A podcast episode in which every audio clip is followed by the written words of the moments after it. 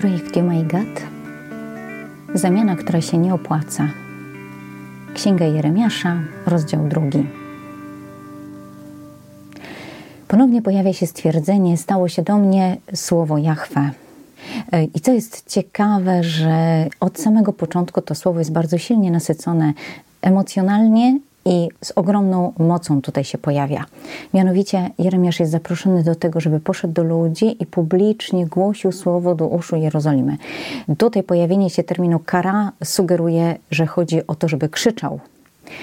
O czym ma krzyczeć? Co jest taką y, główną y, myślą tego przekazu? esencją tego przekazu. Pan Bóg mówi: Pamiętam y, wierność Twojej młodości, miłość Twojego narzeczeństwa. Czy mamy tutaj do czynienia z wychwalaniem atencji Izraela względem Jachwa, jego e, przylgnięcia do Boga podczas wędrówki przez pustynię? Niestety e, nic e, bardziej mylnego. Podczas Twojej młodości Pan Bóg pamięta, kiedy On Tobie był wierny. Pan Bóg pamięta wierność, którą Tobie okazywał. Pan Bóg pamięta Heset, którym Ciebie obdarza. Pan Bóg również pamięta Achaba, miłość relacyjną, E, która z jego strony była skierowana wobec Izraela, kiedy chodził za Jachwę na pustyni w ziemi, której nikt nie obsiewa.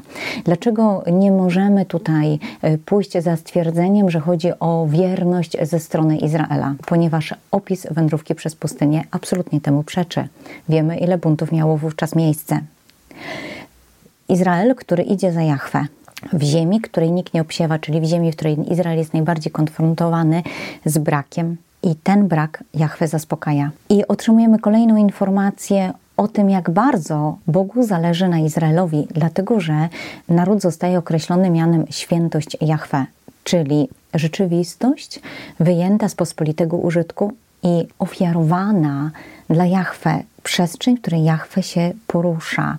Dalej pierwszy plon z jego zbiorów.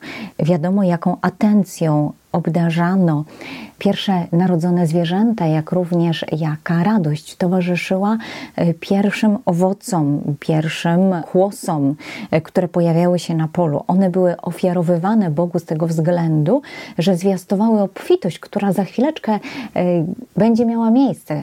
I obrona, o której Jachwę wspomina, że wszyscy, którzy spożywają Izraela, wszyscy, którzy chcieliby z niego coś zagarnąć, stają się winni. Pan Bóg mówi, ja staję w obronie Izraela. I dlatego na bazie tej bliskości, na bazie tego ukierunkowania Boga na Izraela, pada wezwanie. W czwartym wersecie: Słuchajcie słowa Pańskiego domu Jakuba i wszystkie pokolenia domu Izraela.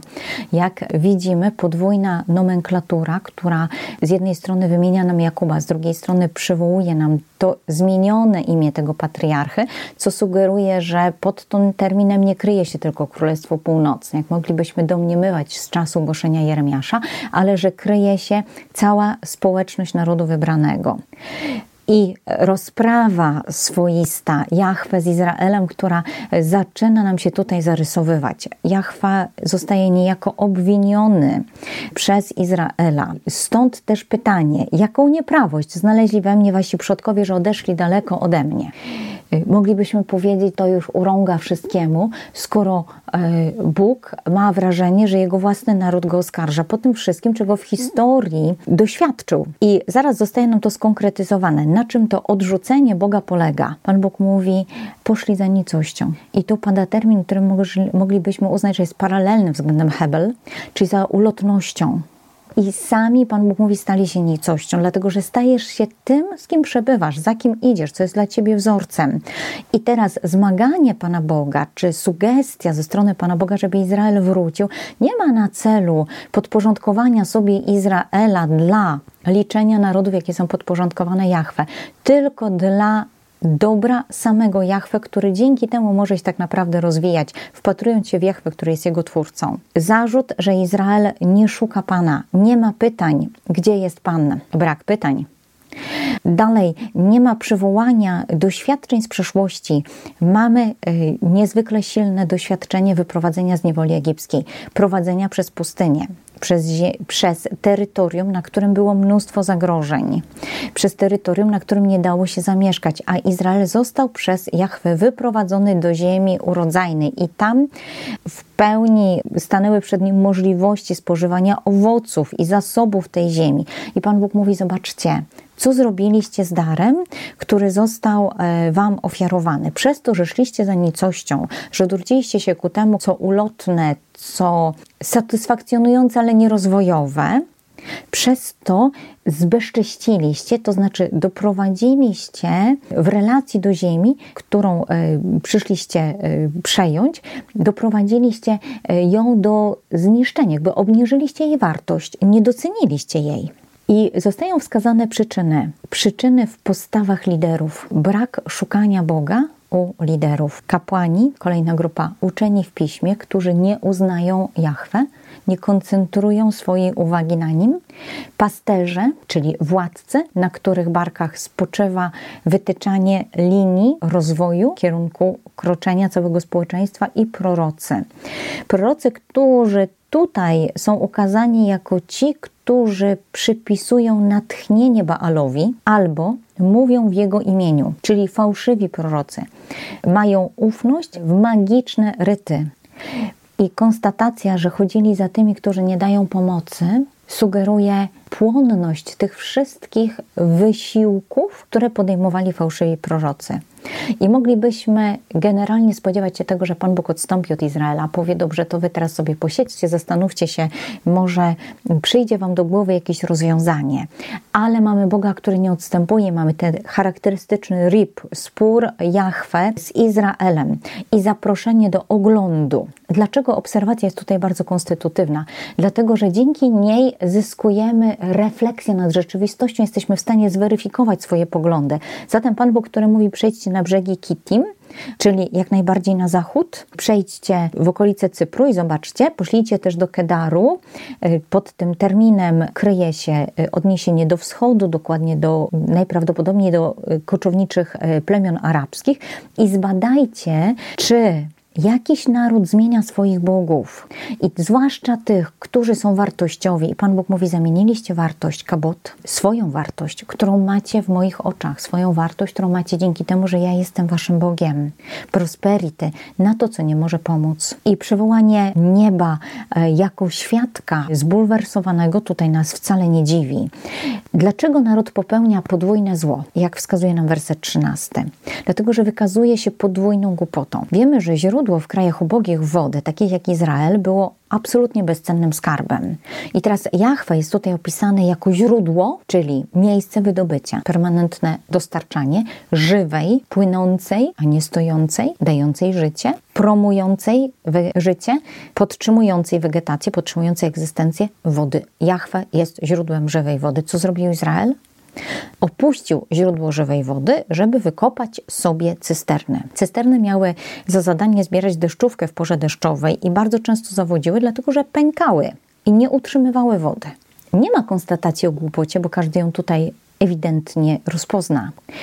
Powstaje tylko jedno pytanie, pada tylko jedno pytanie: czy Izrael jest może sługą albo niewolnikiem z urodzenia? Chcesz być niewolnikiem? Stałeś się łupem, nad którym ryczą lwy, wydając głos.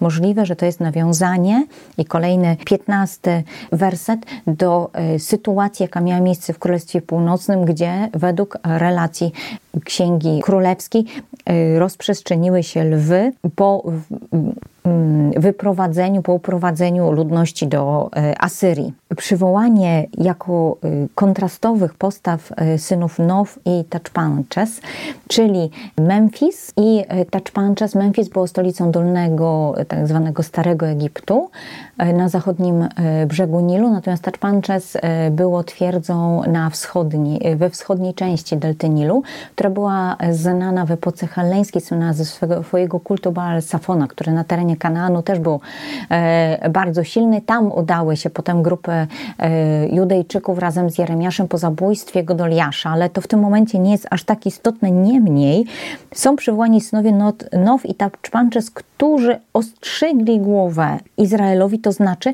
pokazali mu, że jest niewolnikiem. I tu pobrzmiewa nam permanentna predylekcja Izraela w kierunku zawierania przymierza z Egiptem albo szukania pomocy, za chwileczkę będzie e, od Asyrii. Pan Bóg mówi, czy nie sprawia tego fakt, że nie odkrywasz we mnie osoby, która ma moc cię ocalić. Chodzisz do Egiptu, by pić wodę z Nilu. Po co chodzisz do Asyrii, by pić wodę z rzeki? Czy naprawdę tam znajdziesz źródło wody żywej, skoro masz je tutaj we mnie? I teraz Pan Bóg mówi, widzisz w tym momencie, w swojej historii, jak y, spijasz konsekwencje swoich niegodziwości i swojej niewierności. Dlatego y, Pan Bóg mówi, wiedz i przekonaj się, jak bardzo przewrotne i pełne goryczy jest to, że opuściłeś Pana y, Boga swego. E, zwróćmy uwagę, że tutaj pojawia się rodzaj żeński. Izrael zostaje potraktowany jako oblubienica, która zostawia swojego męża. E, dlaczego pada tutaj e, w wersecie 19 wzmianka o tym, nie odczuwałaś lęku przede mną? Czy chodzi tutaj o respekt? Wydaje się, że chodzi bardzo o świadomość, kim jest Jahwe, która tak naprawdę skłania człowieka do weryfikacji swoich decyzji, nie ze względu na lęk, jaki Pan Bóg wzbudza, tylko ze względu na zwykłe rozumowe korzyści, jakie daje człowiekowi bycie przy Jachwę, bo to jest prawdziwe życie. E, I w tym kontekście e, pada e, stwierdzenie, że Izrael pragnie się wyzwolić. Łamie jarzmo, zrywa więzy i mówi do Boga, nie będę służyć. I korzysta ze wszelkich wzgórz, ze wszystkich przestrzeni, możliwości prostytucji sakralnej w kultach kananejskich, po to, żeby zaznaczyć, że to są moje własne wybory. I Pan Bóg, który przysuwa uwagę Izraela na tożsamość, jaką mu ofiarował. Pan Bóg mówi, ty jesteś szlachetną latoroślą winną, jesteś sorek jak nazwie i rozwinie ten obraz Izajasz w piątym rozdziale. Jakże więc, Pan Bóg mówi, zmieniasz się w krzew zdziczały. Nie da się tego obmyć. To nie jest kwestia tego, że ty przez, za chwileczkę zastosujesz łuk sodowy, dodasz wiele ługu drzewnego i e, ta zdrada zostanie usunięta. Pan Bóg mówi, tak naprawdę niszczysz siebie i jeszcze zaprzeczając, że nie uległam skażeniu, nie chodziłam za Baalami, e, niszczysz swój zdrowy światopogląd. I znowu zaproszenie do obserwacji. Popatrz z boku na postępowanie w dolinie, w domyśle Gehinon, dolina synów Hinona.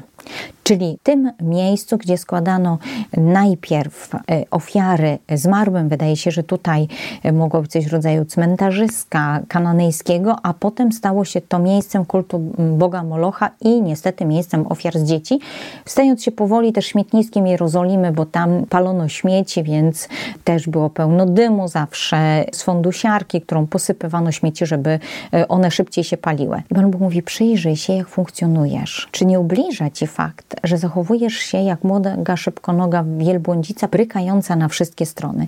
Czy nie masz wrażenia, że poddajesz się swoim nawykom, poddajesz się swoim emocjom w sposób e, absolutnie niekontrolowany? Tak jak kładziesz się na każdej górze, kładziesz się przed każdym, tak wyrywasz się na pustynię, masz niepohamowaną namiętność. Pan Bóg mówi, czy to naprawdę jest zgodne z Twoją tożsamością? Każdy kult pogański, każde bóstwo ukazane tutaj w tym obrazie cudzołóstwa, które nie jest cudzołóstwem fizycznym de facto, ale jest oddawaniem kultu innym bogom, a prostytucja sakralna jest tutaj elementem towarzyszącym. Czy to naprawdę jest zgodne z Twoją tożsamością? Uważaj na swoje nogi. To jest taki prześmiewczy, ironiczny tekst wersetu 25, aby nie stały się bosy, aby Twoje gardło nie wyschło. Mimo tej rady, tej sugestii, Izrael mówi na próżno nie kocham obcych, pójdę za nimi. I w tym momencie Pan Bóg uświadamia jeszcze jedną odsłonę konsekwencji takiego postępowania. Wiesz, co się dzieje ze złodziejem, kiedy zostaje złapany na gorącym uczynku?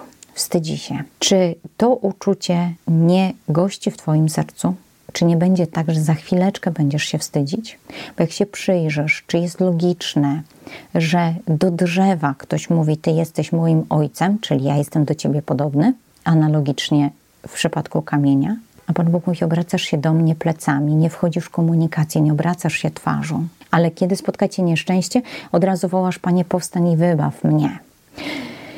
Dlaczego takie akcydentalne tylko e, zwracanie się do Boga zostaje tutaj zakwestionowane. Dlatego, że spotykając się z Bogiem tylko raz na ruski rok i oczekując od Niego pomocy, tak naprawdę nie jesteśmy w stanie dokładnie usłyszeć instrukcji obsługi. E, nie jesteśmy dokładnie w stanie usłyszeć rad, które Pan Bóg nam daje. Dlaczego? Bo nie nawykliśmy do słuchania Go, a Pan Bóg nie mówi naszym językiem. Pan Bóg mówi językiem, który jest zrozumiały, kiedy odwołujemy się do podobieństwa z Nim, do podobieństwa względem Niego. I wyciągnięcie faktu kontaktu z innymi bogami i też trochę ironiczne stwierdzenie, niech oni przybędą Ci na pomoc, prowadzi Pana Boga do tego, żeby naświetlić Izraelowi fakt, wszyscy zgrzeszyliście przeciwko mnie wyrocznie Pana. Wybraliście zło, i Pan Bóg mówi, na próżno uderzałem waszych synów, czyli na próżno jakby wstrząsałem waszymi synami, żeby oni byli w stanie zrozumieć, jak faktycznie wygląda rzeczywistość i w jaki kanał się pakują. I zastanowienie, które pojawia się tutaj, czy wezwanie do zastanowienia, które pojawia się tutaj, jakim pokoleniem jesteście? Uważajcie na słowa Pana. Czy byłem pustynią dla Izraela albo krainą ciemności? Dlaczego mówi mój lud, wyzwoliliśmy się? Czy naprawdę doświadczasz przy Bogu uciemiężenia? Jeżeli tak jest, to znaczy, że kogoś innego postrzegasz za Boga. To, co ofiarowuje Pan Bóg, jest przestrzenią całkowitej wolności. Jest przestrzenią jakby totalnie pootwieraną. Jest przestrzenią, która zaprasza do wolnych decyzji jasne, że pierwszą osobą, którą można oskarżyć w każdej sytuacji jest Pan Bóg. Pierwszą osobą, której można powiedzieć, nie przyjdę już więcej do Ciebie, bo Ty mnie uciemiężasz. I teraz Pan Bóg mówi, potrzebujesz tutaj uruchomić pamięć. I teraz zastanów się, jak masz klejnotę, e, jak e, narzeczona ma swoje przepaski, czy one nie są cenne? Przypomnij sobie, jakby jak ci było ze mną. Mój naród jednak nie pamięta o mnie od niezliczonych już dni. I teraz na sam koniec rozdziału drugiego pojawia się nawiązanie do nawyków. Jak dobrze są Ci znane drogi, żeby szukać achba, relacji miłosnych z innymi. Nawykłeś do tego postępowania. Czym to owocuje? Zajmowaniem się sobą, egoizmem, rozpasanymi emocjami i brakiem uwagi na tych, którzy najbardziej potrzebują pomocy, brakiem wrażliwości na biednych. Nawet na kraju Twoich szat znajduje się krew ubogich bez winy, których nie przychwyciłaś na włamaniu, czyli fałszywie ich oskarżasz, a mimo to mówisz, jestem niewinna. Pan Bóg mówi, wiesz dlaczego potrzebujesz rozwijać się zgodnie ze swoją tożsamością, żeby być w pełni uczestnikiem rzeczywistości. I Pan Bóg mówi: Tak, możesz stwierdzać, że moja dezaprobata odwróciła się od ciebie, ale za chwileczkę dojdziesz do faktu tego, że odeszłaś ode mnie. Tak samo zawstydzicie Egipt, jak zostałaś zawstydzona przez Asyrię. Wyjdziesz stamtąd rękami, z rękami na głowie, w statusie niewolnika, pojmanego, gdyż Pan odrzucił tych, których pokładasz nadziei, z nimi nie osiągniesz powodzenia. Czy to jest złośliwość ze strony Pana Boga? Nie. To jest zabieganie o to, by człowiek się nie zatracił na zawsze. Zabieganie o to, by człowiek nie zmarnował tych ostatnich chwil wolnego życia tutaj. Szczęścia. Co oznacza dla Żyda zapowiedź tego, co się stanie? Informację, że jeżeli dzisiaj zmienię postępowanie, to te wszystkie rzeczywistości nie będą miały miejsca. Dzisiaj zostaje poddane narzędzie, żeby ta zamiana się ukazała jako absolutnie nieopłacalna zamiana Jachwę na innych bogów. Jakie narzędzie? Obserwuj, pamiętaj, myśl, weryfikuj i wracaj do Jachwę. Wtedy nie zamienisz go na nikogo innego.